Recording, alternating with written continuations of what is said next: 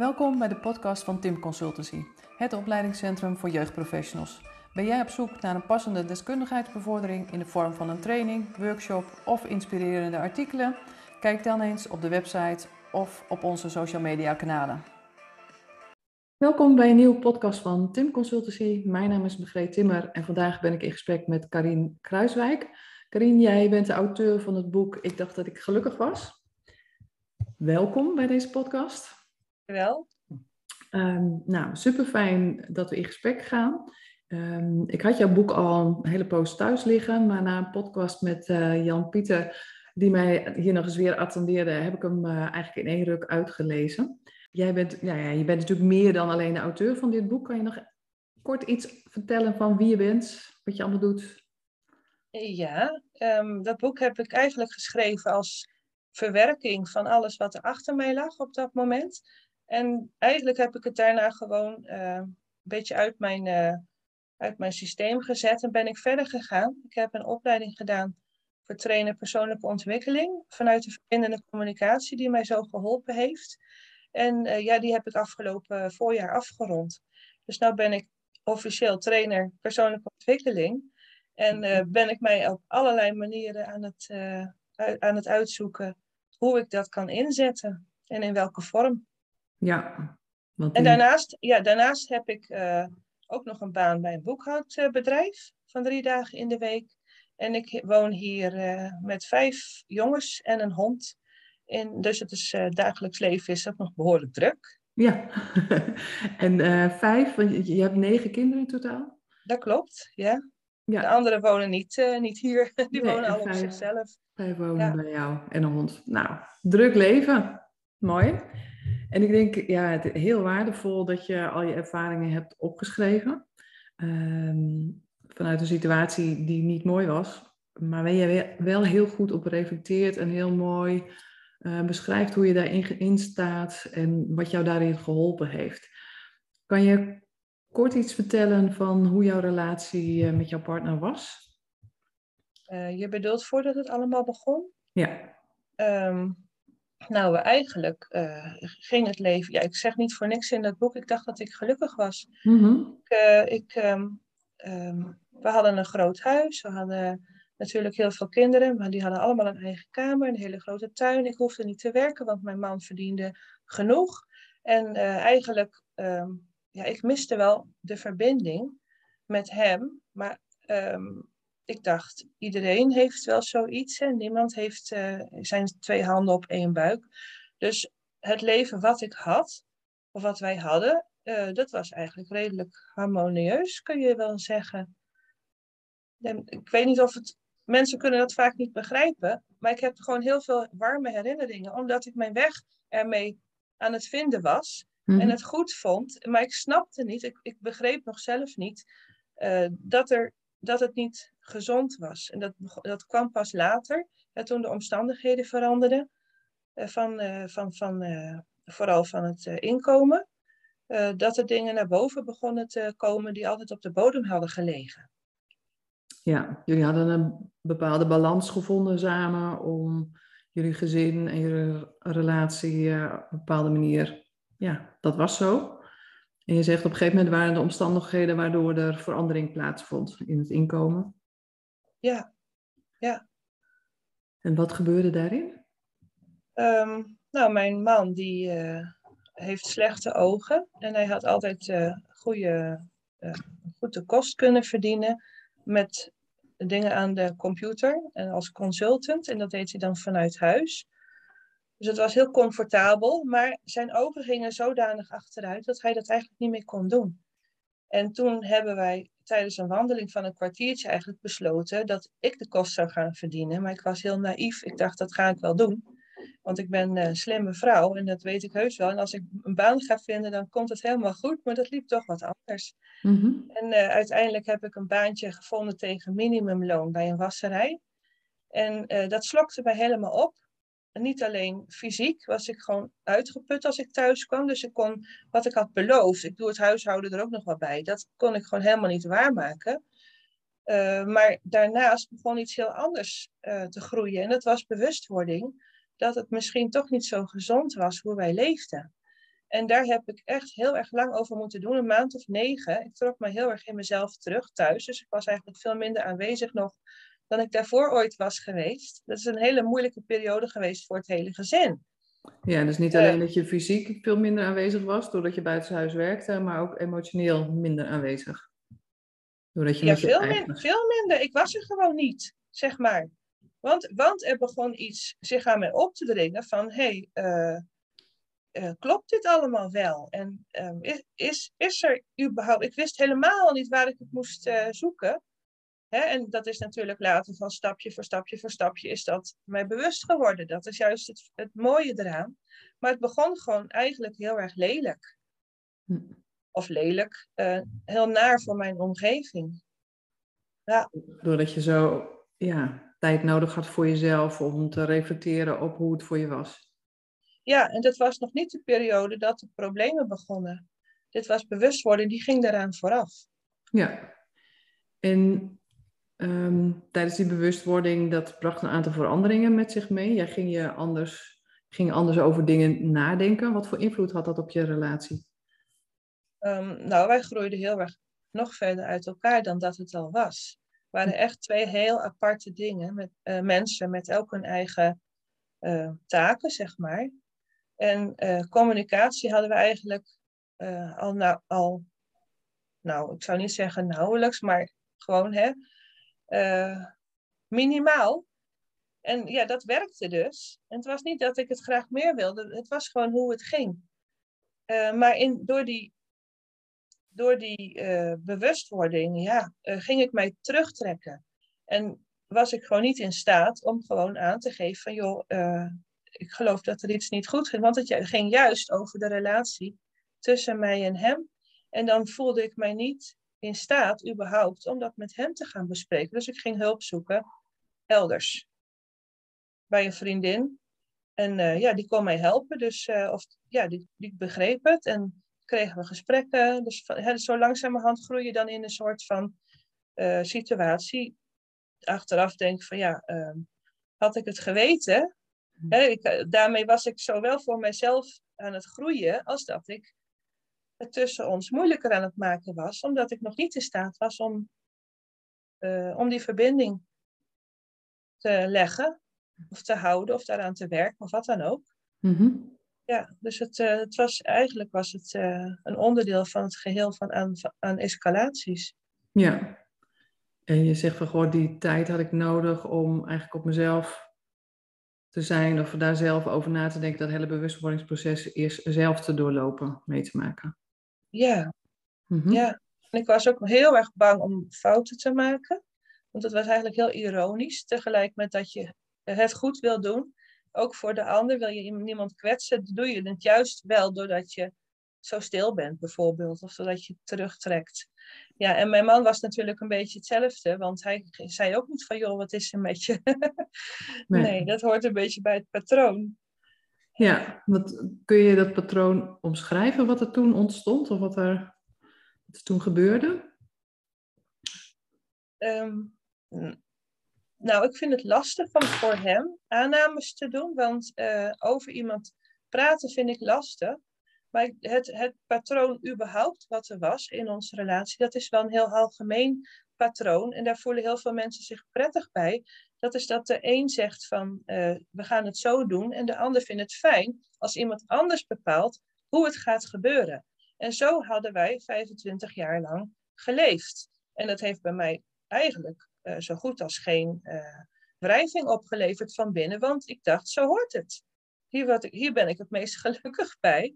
En ja, dat was een beetje het patroon. Het wordt pas vervelend als je op een gegeven moment denkt van ja, maar hoor eens, hier ga ik niet in mee. En dat begon uh, naar aanleiding van iets wat er met een van de kinderen gebeurde. Dat is natuurlijk heel vaak zo. Als, voor jezelf vind je het dan niet zo erg, maar als een kind iets overkomt of dreigt te overkomen, dan ga je, ja, dan word je anders geraakt en dan ga je eigenlijk wel staan ergens voor. Dat is wat er eigenlijk gebeurde. Ja, je zegt dan van um, puur het doorbreken van een patroon zorgde al voor veel wrijving en uh, maakt dat ingewikkeld.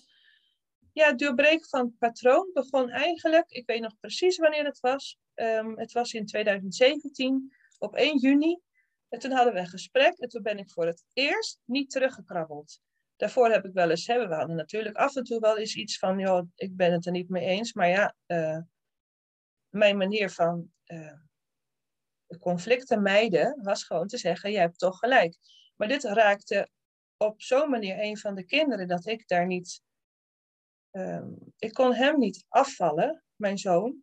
Dus ik zei van, joh, ik begrijp het wel, um, wat, wat, wat jouw probleem is met papa. En ik zie ook wel dat papa zijn best doet om een goede vader te zijn. Dus ik probeerde eigenlijk te, te lijmen mm-hmm. of aan te werken aan de verbinding tussen vader en zoon. Maar dat, het voelde voor hem als, jij valt mij af, jij uh, gaat niet achter mij staan. Dat was natuurlijk ook zo. Niet helemaal. Mm-hmm. Uh, en dat voelde zo hard. Dat was eigenlijk, was vanaf toen helemaal geen, toen werd, toen werd het hard tussen ons toen was het echt, um, of tussen ons, ja, er kwam heel veel uh, beschuldiging van jij probeert een weg te drijven. En uh, ja, toen ging het eigenlijk heel snel. Toen ben ik ook pas naar de huisarts gegaan voor hulp. Mm -hmm. Want ik wist echt niet meer wat er, wat er nodig was of wat ik nog kon doen. Ja, want dat was waar je al een poosje mee bezig was geweest om te kijken van hoe je daar jezelf ehm, stappen kon zetten, hoe je daar een houding in kon bepalen. En je, je zegt van toen ben ik naar de huisarts gegaan. Hoe heeft dat voor verandering gezorgd? Of wat? Nou, daar kan ik heel lang verhaal over houden. Dat ga ik nu niet doen. Het was het begin van een enorme, lange reeks aan toenemend um, verbaal en uiteindelijk ook fysiek geweld. Uh, het was een stap die ik moest zetten, zeg maar, want ik wilde graag hulp hebben. Maar eigenlijk, en de huisarts zei toen, dit is een noodsituatie. Ja. Uh, dank je wel dat je bent gekomen, maar niet weten dat het nog tien keer of twintig keer zo erg zou worden. Uh, maar dat, dat is hoe het ging. Ja, en denk je dat dat um, dus eigenlijk ook niet, misschien niet had uitgemaakt waar je naartoe was gegaan, maar puur dat je de stap naar buiten had gemaakt? Het is een, um, een signaal van er is iets aan de hand en ik wil hulp hebben om te begrijpen wat hier gebeurt. Ja. Dat is denk ik heel belangrijk.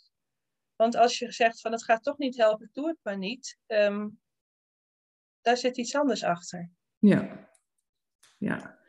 Um, en je hebt vervolgens um, heel veel contacten met andere mensen. Je hebt uh, contact met die vriendin, die is heel erg helpend is geweest. Maar op een gegeven moment kwamen er meer organisaties bij, met heel veel andere professionals.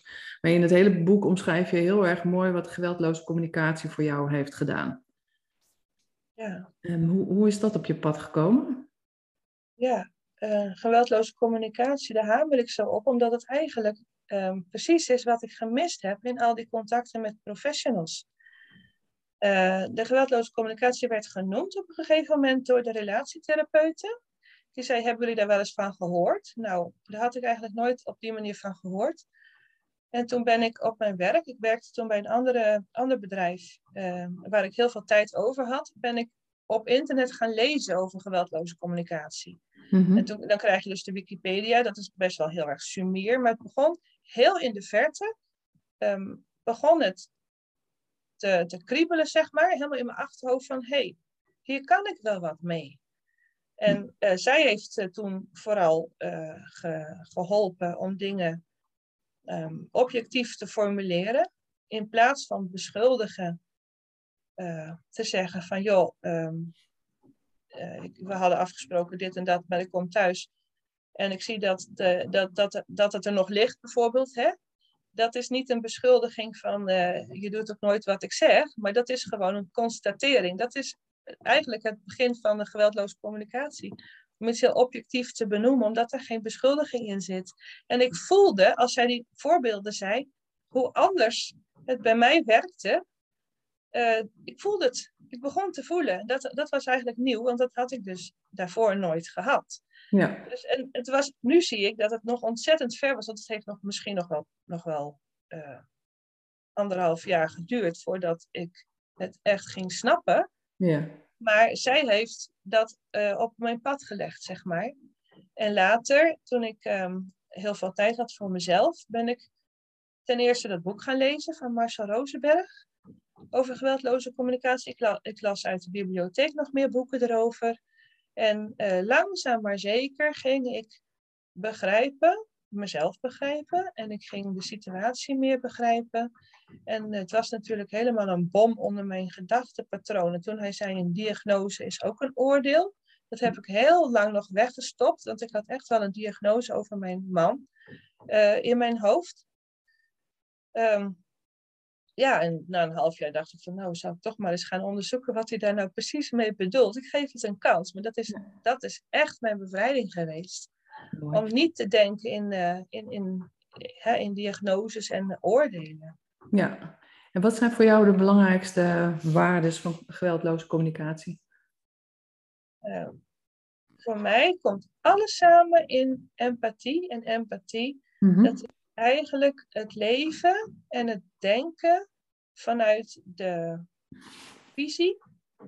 Hoe een mens in elkaar zit. Wat, ja, wat ik onder andere bij geweldloze communicatie uh, uh, heel, heel heel makkelijk of heel eenvoudig uitgelegd heb gekregen, maar dat zie je ook wel op veel meer punten. Je ziet het ook in, uh, ja, je ziet het, je ziet het op meer punten. Ja, mhm. dat is dat een mens in de kern wil geven, hè, dat hij ges, ge, ge, geschapen is. Dus dat is mijn beleving met, met, met ja, Marcel Roosberg zegt van een mens bestaat in de kern uit een stukje goddelijke levensenergie. En ehm, dan is een mens heeft behoeften en die zijn allemaal hetzelfde. Je kunt nooit de behoefte hebben om iemand anders kapot te maken.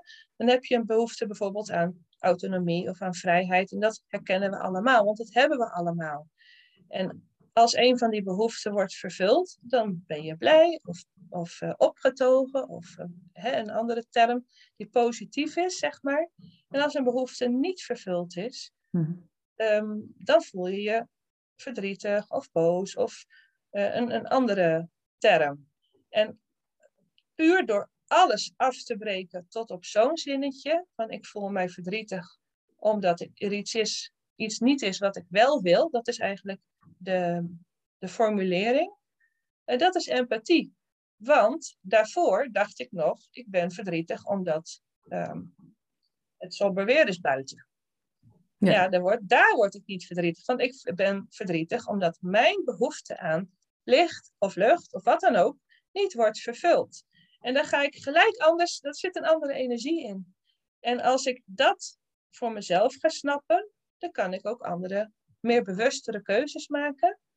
En, um, en het, ja, het beste wat ik voor een ander kan doen, dat is uh, de ander zien op die manier. Dus als iemand heel erg boos is uh, dat ik niet doe wat hij zegt, bijvoorbeeld, hè, dat komt natuurlijk best zo vaak voor, of in het verleden dan, dan hoor ik niet, wat ben jij toch een uh, slechte, een vervelende vrouw, maar dan hoor ik, ik ben verdrietig omdat mijn behoefte aan misschien emotionele veiligheid of zo niet is mhm. vervuld. Dat, dat hoor ik dan. Het is altijd een raden en die kan je ook heel vaak niet checken. Maar op die manier komt er wel compassie voor diegene, omdat je ziet, iemand zit gewoon vast in zichzelf. In plaats van, ik doe iets waar hij boos van wordt. Ja, en ik denk dat dat heel mooi is als je het inderdaad bij die ander kunt herkennen of daar compassie of empathie voor kunt hebben. En dat het dan allemaal al begint met inderdaad veel beter uh, onze eigen behoeftes en wensen ehm, te onderkennen, te zien. Want inderdaad, het is zo makkelijk om te zeggen van... hé, hey, nu heb je nou weer die rommel niet opgeruimd. Nou, precies. Want het begint met empathie voor jezelf. Je, je bent zelf de persoon voor wie je het eerste mag zorgen in het leven. En hè, dat heeft me ook heel vaak geholpen om mezelf gewoon te zien als een soort uh, casus. Hè? Om gewoon te bedenken van, hé, uh, hey, wat heeft zij nu nodig in plaats van wat wil ik zelf? Want dan kan je beter, um, er komt toch iets vanaf een afstandje kijken van, hé, hey, uh, wat gebeurt daar? En dan, en dan kun je ankeren in jezelf, hè, in, of in jezelf. Je kunt gewoon, uh, ja, dat is wat iedereen ook zegt, bij jezelf blijven en bij jezelf komen en zo van jezelf leren houden. Dat hoort er allemaal een beetje bij. Mm. Ja, ja. Want het, het gaat inderdaad over geldloze communicatie, gaat over uh, het uiten van zuivere waarnemingen in plaats van oordelen. Het gaat over het uiten van je gevoelens, dus wat roept iets bij je op. Het gaat over ehm, ja, zien van wat voor onderliggende behoefte er is. En het gaat over verzoeken, verzoeken overbrengen. Dat klinkt als vier, dat je denkt, nou oké, dat doen we. Maar dat is zo ontzettend ingewikkeld. Met volgens mij vallen en opstaan dat je dat leert. En, en dan nog uh, keihard werken volgens mij. Uh, dat klopt. Want het gaat ook niet via mijn hoofd. Je kan een, een eh, boekje lezen of een, of een les volgen hierover. Dat kan. Maar als je gefrustreerd bent ergens over en je bent in staat om naar jezelf te gaan kijken op deze manier, dan heb je de oplossing. En dat vind ik juist, dat vind ik zo mooi, mm omdat alles te vertalen valt naar zoiets. En het verzoek hoeft niet, hè, veel mensen zeggen ook het werkt niet, want ik doe een verzoek, maar de ander wil niet luisteren. Ja, uh, dat zit er natuurlijk ook bij dat er voor de ander keuzevrijheid is. Dus het verzoek kan heel goed zijn dat het een verzoek is aan jezelf is. Mm wel een eye-opener soms. Ja, mooi. En als je een verzoek doet, ja, dan die ander mag natuurlijk ook nee zeggen. Precies. Dus dat, dat is, nou ja, dat kan ook nog wel eens hier met vijf pubers uh, frustrerend zijn. En, maar als ik merk van, hé, hey, uh, dan ga ik dus in mezelf kijken van, hé, hey, wat gebeurt hier eigenlijk? Mm -hmm. jij, jij wil dat hij iets doet. Ik heb alleen maar jongens hier, dus ik mag gewoon hij zeggen. Ja. Um, ik wil dat hij iets doet en hij doet niet wat ik wil. En dan denk ik van, hé, hey, ja, waar zit zijn keuzevrijheid dan? En dan komt er gelijk mm. rust. En dan ben ik ook in staat om het anders te formuleren. Vanuit mijn behoefte in plaats van uh, vanuit een beschuldiging. En dan kom, komt hij vaak wel in beweging. Dus dat vind ik mm. zo'n wonderlijk, wonderlijke ervaring om mee te maken elke keer. Ja, mooi. En nou ja, je, je, was dus in dit hele proces was je bezig. Um, dit eigen maken, op een andere manier kijken naar, naar jezelf. En tegelijkertijd escaleerde je je relatie steeds verder en verder. Uh, ja, dat kwam ook om. Ja, ik weet niet of ik dat had kunnen stoppen, want um, hè, dat heb ik natuurlijk wel een poos gedacht. Ik geloof dat ik er ook over geschreven heb in het boek. Had het ook anders gekund, maar um, ja, je bent niet verder dan dat je bent. En uh, ik, uh, Rosenberg schrijft heel mooi over emotionele slavernij. En mhm. dat je denkt, uh, ik ben verantwoordelijk voor het gevoel van de ander. En het is een enorme bevrijding als je erachter komt dat de ander verantwoordelijk is voor zijn eigen gevoel. En, maar jou, dat, in, in die bewustwording zit gewoon een soort van peuterpuberteit is een beetje verlaat misschien, want ik was al dik in de veertig. Maar ik kreeg een soort van puberteit. En ik ging mij dus, ehm, ik ging dat evenwicht ging ik vinden. Zoeken en vinden. En dan ging ik dus, uh, had ik een houding, ik heb misschien niet eens zo gezegd, maar ik had een houding van, ja, de, uh, dat is jouw eigen verantwoordelijkheid. Ik ben, ik ben niet verantwoordelijk voor jouw gevoel. En jij bent niet verantwoordelijk voor mijn gevoel. Dus eigenlijk zet je een mes in iets heel kwetsbaars. En natuurlijk is de kans dan heel erg groot dat dat uh, geen verbinding brengt. Wat eigenlijk wel de bedoeling zou, zou fijn zijn, hè, als dat gelijk een. Uh, maar het is wel gezond. Het is wel gezonder. En als de ander denkt, jij moet doen wat ik zeg. En je, dat, dat komt vanuit een hele diepe behoefte, daar ben ik wel van overtuigd niet een behoefte aan controle, want die, heb je, die heeft niemand. Het is een behoefte aan. Um, ik denk dat er, dat er emotionele veiligheid onder zit, maar dat zit heel diep. Dat zal iemand nooit zo snel herkennen. Hè? Dus dan ga je. Nou ja, dat is een ander verhaal. Uh, ben ik de draad kwijt. Ja, nee, dat, dat op het moment dat jij aan het veranderen bent en de ander daar moeite mee heeft, Um, jij bleef op zoek naar die verbinding, uh, maar ook je eigen ontwikkeling en ook je, de verbinding met jezelf. Ja. ja, ik heb hem weer. Ik was over de emotionele slavernij aan het uh, vertellen, over die puberteit, zeg maar, die, die fase. En als je, pas als je dat helemaal helder hebt voor jezelf, dan kan je ook vanuit jezelf gaan communiceren zonder dat het de ander ik wou zeggen zonder dat het de ander kwetst, maar dat is nog altijd aan de ander om zich ergens iets van aan te trekken. Maar er komt er wel iets op gang. En de, ja, de allerbeste, wat ik nu weet, is gewoon de houding te hebben van jij bent oké, hoe je ook bent.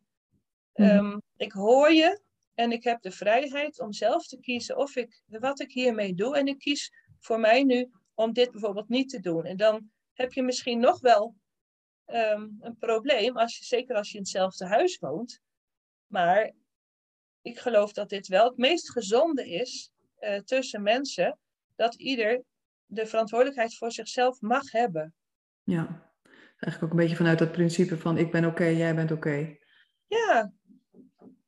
Ja. Ja, ik denk dat dat... En die houding heb ik nu, hè? ook al is het zo van uh, er is geen contact. Um, dat zal misschien nog heel lang duren voordat het wel is, maar je bent helemaal oké, want ik zie daaronder een behoefte aan rust. En die kan ik geven. En het is voor het eerst deze periode dat ik mijn man of mijn ex-man zie voor wat hij is en respecteer wat hij wil. Zonder dat ik me daartoe gedwongen word. Hè, hè, ik, ik, was niet in mezelf. Bij mijn kern was ik helemaal nooit. Dat ben ik nu pas. En ik, kan, ik ben nu in staat om hem te zien en te respecteren. Mm voor, voor, hoe hij nu is. Ook al zijn er heel veel dingen die ik anders zou willen zien. Maar dat is niet aan mij. Hij, hij krijgt alle ruimte en alle tijd om, uh, ja, om daar zelf te komen. Ja, en dat is wel mooi, denk ik, dat je daar zegt van daar, mensen hebben daar natuurlijk ook tijd voor nodig. Want dat is ook wel iets wat ik vaker zie in de jeugdzorg. Dat op het moment dat een ouder een bepaalde keuze maakt, um, bijvoorbeeld eh, soms ook een keuze maakt om even geen contact met een kind te hebben. Dat er, ja, maar dat moet en dat is belangrijk voor het kind. En, dat, ja, en jij zegt van nou, erken dat iemand dus een bepaalde behoefte heeft op dat moment aan rust. En ik denk dat, dat je, als je dus ook uit die strijd stapt, dan zal die ander ook meer profiteren van die rust. En misschien er ook weer eerder aan toe zijn om andere keuzes te maken. En misschien, misschien is dit het gewoon. Ja. Anders niet of zo. Ja, en dat is als je iemand kunt zien uh, vanuit de behoefte. Hè? Vanuit hm. iemands behoefte, waar, dat je kunt zien waarom doet iemand dit. En natuurlijk kun je iemand helpen om te zien van, brengt dit ook wat jij mm denkt dat het brengt? Want ja, ik, zal, ik kan wel vertellen, um, ik zie van mijn, van mijn um, ex-man, ik, ik, zeg hm. liever mijn man, maar van mijn ex-man zie ik um, dat hij oprecht een offer brengt door het contact met de kinderen toen te hebben verbroken. Dat is dan uh, uh, 2018 zeg maar geweest. Het is niet echt verbroken, maar uh, zo goed als zeg maar. Omdat hij um, denkt dat de kinderen daardoor niet in een loyaliteitsconflict komen als ze maar één ouder hebben. En ik denk dat als iemand in staat is om daar op zo'n manier over te praten, van hé, hey, welke behoefte zit hier nou echt onder, hè? van laagje voor laagje voor laagje, en brengt dit het ook? En hoe is het voor de ander? Hoe is het voor je kinderen hè, als je het zo doet? En dan kun je wel van alles gaan invullen van ja, maar dan, dan zijn ze dit en dan zijn ze dat. Maar dat, oh, zolang je het niet checkt, weet je het niet. Ja, ja. Het is wel mooi wat je zegt. Want het moet laagje voor laagje afgepeld worden. Dat moet een proces zijn waarin je de andere de, de ruimte en de tijd gunt om het af te pellen. Om te kijken waar zit het nu echt. Ik zeg dat het gaat over rust. Maar is dat inderdaad de behoefte of zit er nog wat anders onder? Uh, ja, ja, en um, in de behoefte, in de manier om rust te creëren, vergeet je natuurlijk, want er zijn heel veel onbewuste dingen, uh, denk je er niet aan dat, dat het op een andere manier, op een andere uitwerking heeft. Ja. En daar, dat is natuurlijk wel heel fijn als je daarbij geholpen wordt. Ja. ja. Ik heb, um, zal ik nog iets meer vertellen over die empathie? Ja, super. In, um, ik heb het ook wel in het boek geschreven, maar nu ben ik een nieuw boekje aan het schrijven voor professionals. Uh, waar het wat minder het, het verhaal is en het drama eromheen, maar meer uh, to the point, geweldloze communicatie en dat toepassen in, in situaties. Mm-hmm. En daarin heb ik dat schema echt opgenomen van die trechter, die ik uit de, uh, uit de verdiepingscursus van geweldloze communicatie heb opgepikt. met de innerlijke ruimte. En als iemand heel weinig innerlijke ruimte heeft, en dat is denk ik in dit soort situaties heel veel zo, bij mijzelf was het ook zo, en ik zie dat ook terug bij mijn uh, ex-man, um, dan helpt helemaal niks, behalve iemand met rust laten, totdat hij in staat is om empathisch gehoord te worden. En dat is heel wat anders dan om te horen wat hij moet doen. Maar empathisch gehoord worden, dat is wat helend werkt. En dat is eigenlijk het, wat we allemaal het liefst willen, dat iemand bij zichzelf komt. Dat is wat, wat helend betekent. Hè? Dat iemand uh, zijn eigen behoeftes kan snappen en begrijpen en ook hoe je dat, uh, hoe daarin voorzien kan worden zonder dat het schadelijk is voor een ander. Ehm, zo kun je eigenlijk alle situaties wel uitleggen. En het, het begrijpen dat iemand er even helemaal uit moet of is, dat is denk ik iets wat, je, wat moeilijk is of kan zijn om te doen, omdat je graag stappen wil maken. Maar je kunt alleen maar stappen maken als iemand zelf die stap kan zetten. En iemand zelf kan alleen maar een stap zetten die um, recht, hè, um, die de eerste stap is. En dat is de behoefte die bovenop ligt. En dat is soms de behoefte aan rust. Ja. En als, als iemand dan weer in staat is om empathisch gehoord te worden, dan gaat hij nog steeds niet uh, iets doen wat een ander wil. Maar dan gaat hij zichzelf leren begrijpen. Dat vind ik het mooie aan empathie. Dat je gewoon vraagt en dan in, inzoomt op het moment van nu. Uh, bijvoorbeeld alleen maar uh, waarom iemand het moeilijk vindt om in dezelfde kamer te zijn. Bijvoorbeeld, hè? wil je liever, hè, wat wil je wel? En op dit moment, dat vind, ik, dat vind ik echt zo mooi. Ja omdat je ziet dat daardoor beweging komt. En dan komt iemand, al is het met één teen, in het, in het proces van, uh, van, ja, van wat je in de geweldloze communicatie hebt. Uh, gevoel komt door mijn eigen behoefte, die niet ja. vervuld is. En wat wil ik wel? Hè? Welke behoefte heb ik eigenlijk? Ja, en ik denk dat, dat ik dat wel zie als een vaardigheid die voor, voor heel veel jeugdprofessionals heel lastig is. Om daarin de rust en de ruimte te geven aan die ander. Omdat vaak het idee is van, ja, we moeten verder, er moet toch een gesprek, er moet toch dit geregeld, er moet toch dat. Maar jij zegt, nee, die vertraging en als iemand behoefte heeft aan die rust, uh, is dat op dat moment het allerbelangrijkste. Ja, en natuurlijk moeten de dingen worden geregeld voor de kinderen, maar dat gaat dan, ja, dat gaat dan hand in hand. En ik denk dat dat een hele, um, nou ja, je wil, je zei net iets over vertraging, dat is zo belangrijk, want op dit moment is het enige waarop iets kan gebeuren.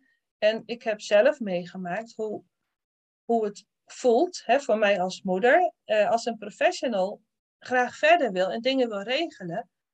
Uh, en ik was, ik was dan degene die overal in meeging. En, maar dat wil niet zeggen dat dat de manier is die het meeste oplevert. Mm-hmm. Want als ik het niet, als ik het doe omdat ik geen moeite wil veroorzaken, hè, of geen, uh, uh, nou ja, niet degene wil zijn die moeilijk doet, want er is al zoveel moeite in dit, in dit, uh, in dit, in dit gezin, ja, dan, dan zit er nog steeds geen energie in, geen leven. dan ben ik ook niet in staat om, um, om echt stappen te zetten, ook al lijkt dat misschien zo. Ja, ja. De weg naar binnen toe is, is echt het, um, het meest helpende om dat te gaan snappen. Ja. En daar had ik natuurlijk iemand anders voor om mij dat uh, gaandeweg uh, te helpen. Dus uh, ik, was ook, ik werd ook steeds vaardiger hierin. Ook tijdens de gesprekken met de professionals. Dat is voor hen ook niet altijd makkelijk geweest, denk ik. Nee, want ik, we gaan natuurlijk niet het hele boek helemaal nabespreken. Of tenminste niet helemaal vertellen wat er allemaal in staat. Maar ik denk, het is zo'n ontzettend proces geweest waarin jullie relatie inderdaad escaleerde. Uh, heftig, hey, emotioneel en fysiek uh, richting uh, geweld was er. Um, zo heftig dat op een gegeven moment ook steeds meer professionals bij betrokken zijn uh, geworden, die er allemaal wat van gingen vinden. Zelfs zover dat uiteindelijk je kinderen uit huis geplaatst zijn. En hoe je toch tijdens dat hele proces bent blijven reflecteren op je eigen stukje en je eigen groei, dat vind ik wel echt heel erg bewonderenswaardig. Um, dat klinkt als een prestatie, maar dat is het niet, want alle andere hulptroepen waren eigenlijk um, uitgeput. Je gaat voor hulp, maar er is niemand die jou kan helpen. Dat kun je alleen maar zelf doen, ja. eigenlijk. Omdat je het gaat zien. En omdat, juist omdat ik ergens in de verte begreep dat, dat dit voor mij uh, de weg was waardoor ik echt geholpen zou kunnen worden, um, was het eigenlijk een opklimmen uit een diep dal. In plaats van wat, wat je zou kunnen voelen, van je kijkt naar jezelf en je denkt het ligt toch aan mezelf, uh, wat je naar beneden zou kunnen drukken. het ligt aan mijzelf kan ook klinken als van hé, hey, daar kan ik er ook wat aan doen. Hm. Ja, en dat heb, je, dat heb je altijd gevoeld? Nou, ik heb het geluk gehad met die vriendin. Het is gewoon echt heel erg fijn dat ik haar vertrouwde. En dat zij mij dingen kon zeggen van hé, hey, misschien is het gezin waar je uitkomt ook niet zo uh, gezond geweest. Jouw patronen komen ergens vandaan. En iemand anders, als ik die had, had gezegd, had ik misschien gedacht van ja, hallo, je hebt het over mijn gezin van herkomst. Het was het geweldigste gezin wat, ik, wat er is. Hè? Uh, anders wilde ik er niet naar kijken. Maar nu zie ik wat realistischer en ik zie natuurlijk een heleboel liefde. Uh, maar in de goed bedoelde, in, het, ja, in, in wat je goed bedoelt, komt altijd iets mee wat je niet bewust is. De uitwerking ervan. Ja. En dat, uh, dat, dat heeft ze me geholpen om dat te zien. Ja, en wat maakt, denk je, dat je dat van haar kon horen? Dat je dat van haar eh, kon aannemen? Ja, de, de, de band, of de band, ja, de verbinding die er was tussen ons. Ja. ja. Want vroeger als kleinkind waren wij al vriendinnen. En toen hebben we elkaar een aantal jaren uit het oog verloren, want we woonden in een heel andere plaats. En uh, toen begon het contact weer en het was gelijk, ja, het is alsof je het herkent van, hé, hey, hier kan ik, hier heb ik wat aan. Dat is het altijd. Ja. Er komt iets positiefs mee met als je zegt van, als je snapt, ik heb hier wat aan. Mm Dan ga je ook verder, want dan wil je ook al, ook als doet het soms pijn, hè? Uh, om, of het besef kan pijn doen, van, vooral van, oh, och heden, ik heb het zelf zo ver laten komen. Het was wel heel erg diep. En er zit een heleboel shit in mijn leven, maar ik heb het zelf zo ver laten komen. Dat besef is wel heel erg pijnlijk. En dan kan je de neiging hebben om onder je dekbed te kruipen en tevoorschijn te willen komen als het allemaal over is. Maar ja, ergens in dat stuk ehm, is het toch ook gewoon zo van ja, uh, je bent zelf degene die er wat aan mag doen. En het mag, je mag je zo lang over doen als je wil, maar jij kunt het veranderen. Mm Mooi.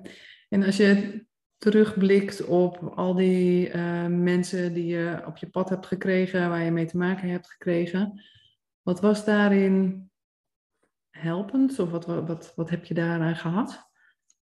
Ik heb heel veel gehad aan onze MDFT-therapeut.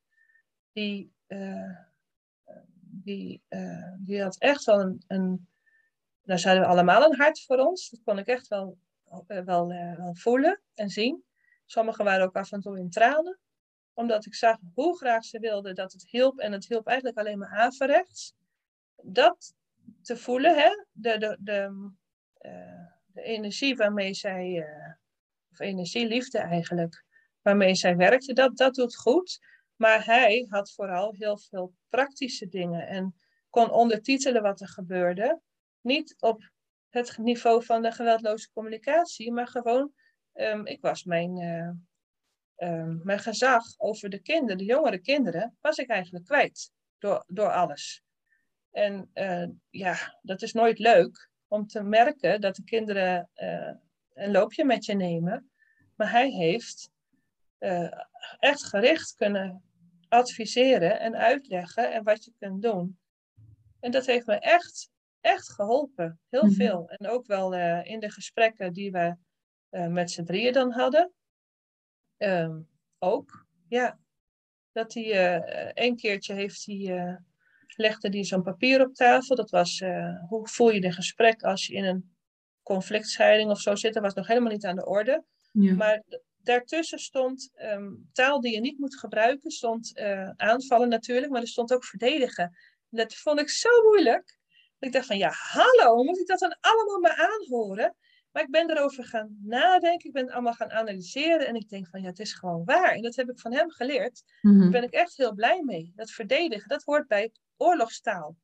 En um, als, ja, ja, dat is gewoon een eye-opener geweest. Ja, we hebben veel nou ja, oorlogstaal of strijdtaal. Als het gaat over vechtscheiding. Vechtscheiding is natuurlijk ook een strijdtaal. Um, als je het inderdaad in dat soort dingen gaat denken, wordt het heel erg moeilijk.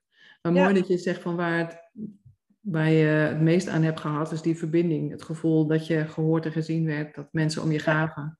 Juist, ja, precies. Ja. Uh, ja. ja, dat is toch altijd weer een heel belangrijk item, hè? Uh, ja, dat is denk ik uh, waar het allemaal om draait. Ja. De verbinding vanuit die energie, hè, zo van, eh, ehm, eh, nou ja, dat heb ik al uitgelegd. Ja, ja. Snappen. Ik denk dat dat als professional dat dat ook echt iets is wat je altijd moet blijven voelen. Dat je mensen leuk vindt, dat je eh, begaan bent met mensen, dat je een stukje mee mag lopen op het pad van hun. En dat je dat, dat, je dat echt inderdaad met een stukje liefde, begrip, uh, nee, jij noemt ook empathie doet. En als dat aan het verdwijnen is, dan wordt het werk denk ik heel erg ingewikkeld om nog te doen. Nee, ja, ja maar dat geldt denk ik misschien wel voor alle beroepen. Mhm, zeker, ja. ja, ja. Ja, dus dat, dat waren voor jou, uh, zijn dat belangrijke dingen. Nog meer daarin, wat je, als je daarop terugkijkt? Uh, met die professionals bedoel je? Um, ja, nou ja, ik zit even te denken van um, professionals, die zijn natuurlijk begrensd. En uh, wat, niet op hun, wat niet hun pakje aan is, dat is ook niet hun pakje aan.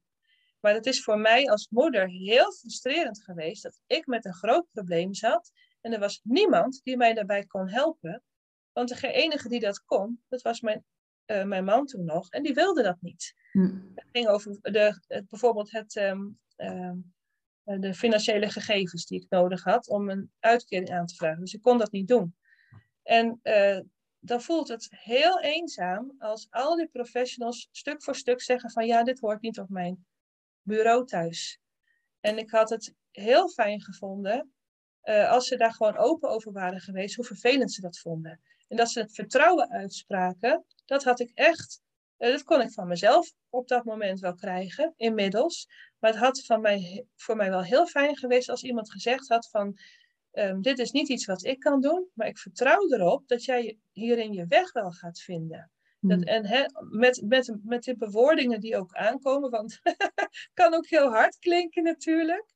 Maar echt die, ver, die verbinding en die bemoediging, want uiteindelijk is het ook goed gekomen. Ja. En ik geloof dat dat voor iedereen kan, maar misschien niet op de manier waarop je het eerst had gewild. Dus ik kreeg op het allerlaatste moment dat het echt nodig was, kreeg ik uiteindelijk toch een baantje. Toen kon ik voor mezelf gaan zorgen. En toen is het uh, stap voor stap voor stap is het beter geworden. Ja. Ja. ja, ik denk inderdaad zo'n uitspraak van, goh, ik, ik, vertrouw erop dat je daar zelf uitkomt. Dat moet natuurlijk ook een oprechte gevoel moet dat zijn.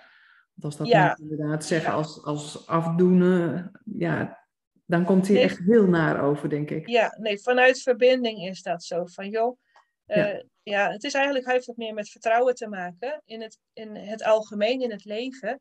Mm -hmm. Dat het, uh, het leven is niet um, lelijk voor ons. Het, het, brengt dingen die niet leuk zijn, het brengt dingen die wel. Maar uiteindelijk hè, kun, kan iedereen gelukkig zijn, ondanks wat er gebeurt. Ondanks dat je tijdelijk um, geen inkomen hebt, bijvoorbeeld, of uh, wat dan ook. Geen huis.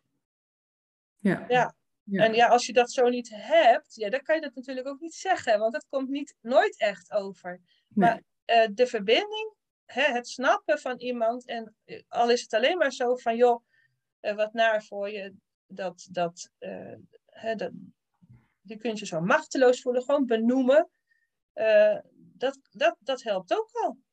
Ja, ja. Ja, en ik vind deze wel heel mooi wat je net zei, het leven is niet lelijk. Nee, als je het leert zien hoe mooi het eigenlijk is. Midden ja. in alle ja. dingen die toch wel heel erg naar zijn. Ja, en hoe is dat jou gelukt? Om dat, de mooie dingen te blijven zien? Uh, ja, om vanuit die energie te denken. Van welke behoeften worden er wel vervuld? Want ik kan bijvoorbeeld heel verdrietig zijn over uh, gebrek aan contact uh, met een van de kinderen. Maar, aan de andere, maar als ik daarin ga hangen, dan word ik heel erg depressief misschien wel zelfs. Maar als ik op een andere manier ga kijken naar dat kind en zie van hé, hey, hij, uh, hij gaat voor zichzelf staan. Hij, hij doet wat hij op dit moment belangrijk vindt. Dan word ik verschrikkelijk trots. Ook al betekent dat voor dat kind dat de verbinding tijdelijk minder is. Of de, het contact. De verbinding is er wel, maar het contact is, mm -hmm. uh, is er gewoon zo, sowieso uh, zo niet, niet niet zoals ik het zou willen. Ja. Mm -hmm. Maar um, dan kijk ik ook terug naar mezelf. En dat heb ik eigenlijk met mijn ouders ook gedaan. Niet dat ik heb, ik heb nooit het contact verbroken. Dat hebben mijn kinderen ook niet gedaan. Maar ik heb wel heel weinig, er is gewoon heel weinig contact geweest. Ik denk van, oh, misschien was het voor hun ook niet heel makkelijk. Hmm. En dan krijg je in één keer met terugwerkende kracht ook meer begrip achteruit. En ook voor jezelf. En uh, ja, het mooiste is om iemand te zien groeien, omdat de ruimte daarvoor is. En ik ben degene, een van degenen, die voor die ruimte kan zorgen. Ik kan ook zorgen dat die ruimte minder is. Alleen, al ligt het alleen maar in mijn energie om te gaan eisen van jij moet dit en jij moet dat. Dus ja, en als je dan gaat ervaren dat de dingen werken en dat de dingen ook echt veranderen, dat vind ik mhm. een van de meest motiverende um, gedachten of ervaringen die er bestaan. Ja, mooi.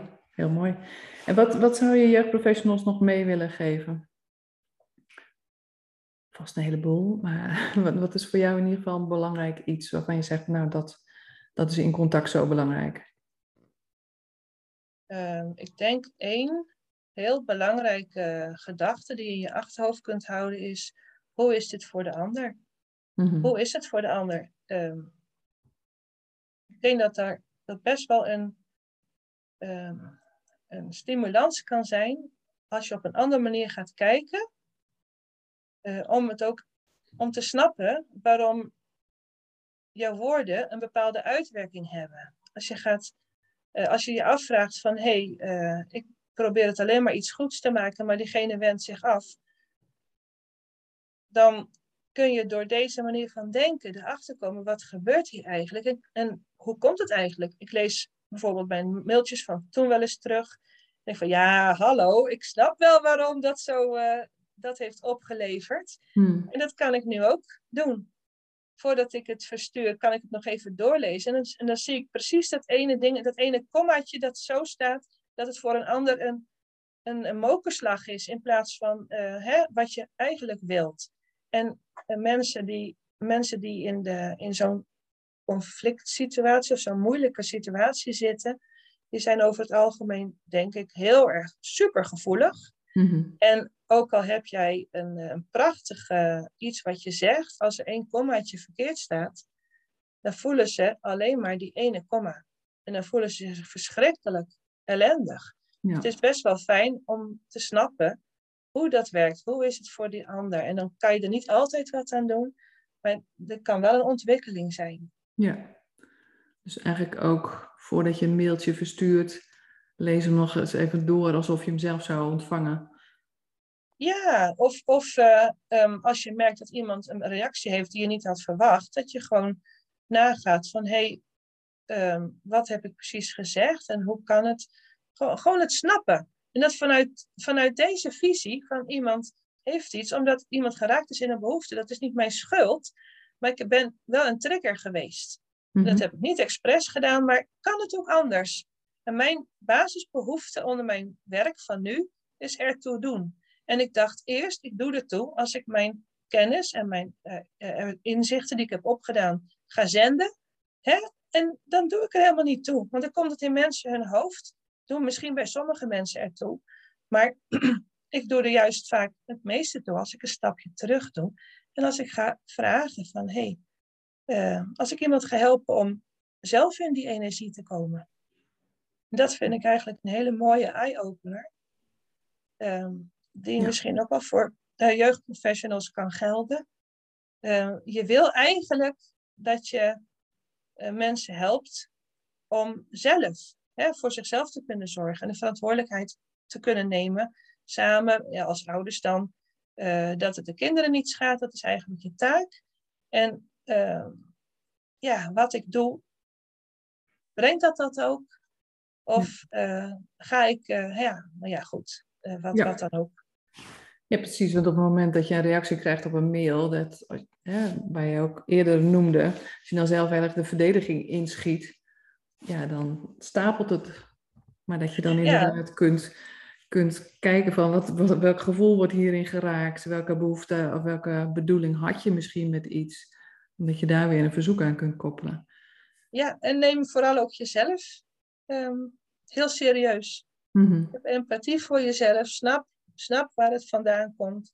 Eh, en ja, ik zou echt wensen dat mensen zeggen van, uh, van oh, wordt er weer een complexe scheiding, zoals dat genoemd aangemeld, geef maar aan mij, want ik weet hoe ik daarmee omga, omdat ik in balans kan blijven en ik kan uh, de balans zien hè, en ik kan balans helpen terugbrengen. Dat zou ik zo wensen, dat, uh, dat mensen niet meer omvallen of opbranden, doordat, door al die frustratie van het lukt niet. Ja, ja. Mooi. Ja, ik denk dat dat super belangrijk is, want als je al Ehm, met mensen in gesprek gaat vanuit de, de gedachte van, oh, daar gaan we weer en het wordt weer lastig en ingewikkeld. Ja, dat is dan inderdaad ook uh, wat je vaak krijgt. Nou, precies, ja. ja, ja. Mooi, heel waardevol. Um, ik hoop dat dit in ieder geval er ook voor zorgt dat mensen je boek allemaal gaan, uh, gaan lezen. Omdat ik denk, je, je beschrijft zo, goed um, hoe het allemaal gegaan is binnen jullie relatie, hoe jij dat ervaren hebt. Ehm, maar ook dat je daarop kunt reflecteren, dat je daarin dingen meegeeft vanuit die geweldloze communicatie. Nou, ik vind dat het je heel goed gelukt is om oordeelloos allemaal situaties te beschrijven. Dus dat is denk ik wel heel waardevol uh, om te lezen. Ja, dat doet me heel goed om te horen, uiteraard. Ja, nou, dankjewel voor dit, uh, dit mooie boek en voor dit mooie gesprek. Uh, er is nog heel veel te vragen. Ik heb nog heel veel dingen waarvan ik van je zou willen weten, maar voor nu gaan we hem gewoon stoppen. Super bedankt voor dit gesprek. Graag gedaan. Heel fijn dat je dit hebt willen doen. Um, vraag, ja, hoe ik ook op jouw pad ben gekomen, is um, aan wie zou je het stokje door willen geven? Ja, dat weet ik al. Ja, ik heb het al helemaal uitge, uitgevraagd. Of, hè, uh, Eva Fabius. Ik weet niet of je haar naam al kent. Nee. Maar zij is uh, iemand die heeft, uh, die kwam pas later, na het schrijven van mijn boek op mijn pad. En ik denk dat zij best wel, nou ja, zij wil het zelf ook graag doen. Zij is iemand die heeft mij ook wel een eye-opener gegeven. En zij werkt ook veel met gescheiden ouders. Mm -hmm. en, ja, nou. Ik denk dat zij wel een mooie is in het rijtje. Mooi, ja. ik ben, ben, erg benieuwd. Ik ga contact met haar opnemen uh, via jou. En dan ontstaat er wel weer een mooi nieuw gesprek uit. Ja, mooi. Ja, dankjewel voor dit fijne gesprek. Oké, okay, graag gedaan. Fijne dag. Dankjewel voor het luisteren naar deze podcast van Tim Consultancy. Hopelijk was het een waardevol gesprek voor je om naar te luisteren. Wil je meer weten over de onderwerpen die we in onze podcast bespreken? Check dan ook onze social media kanalen of de website van Tim Consultancy voor een van onze opleidingen of trainingen. Heel graag tot een volgende keer en een fijne dag gewenst.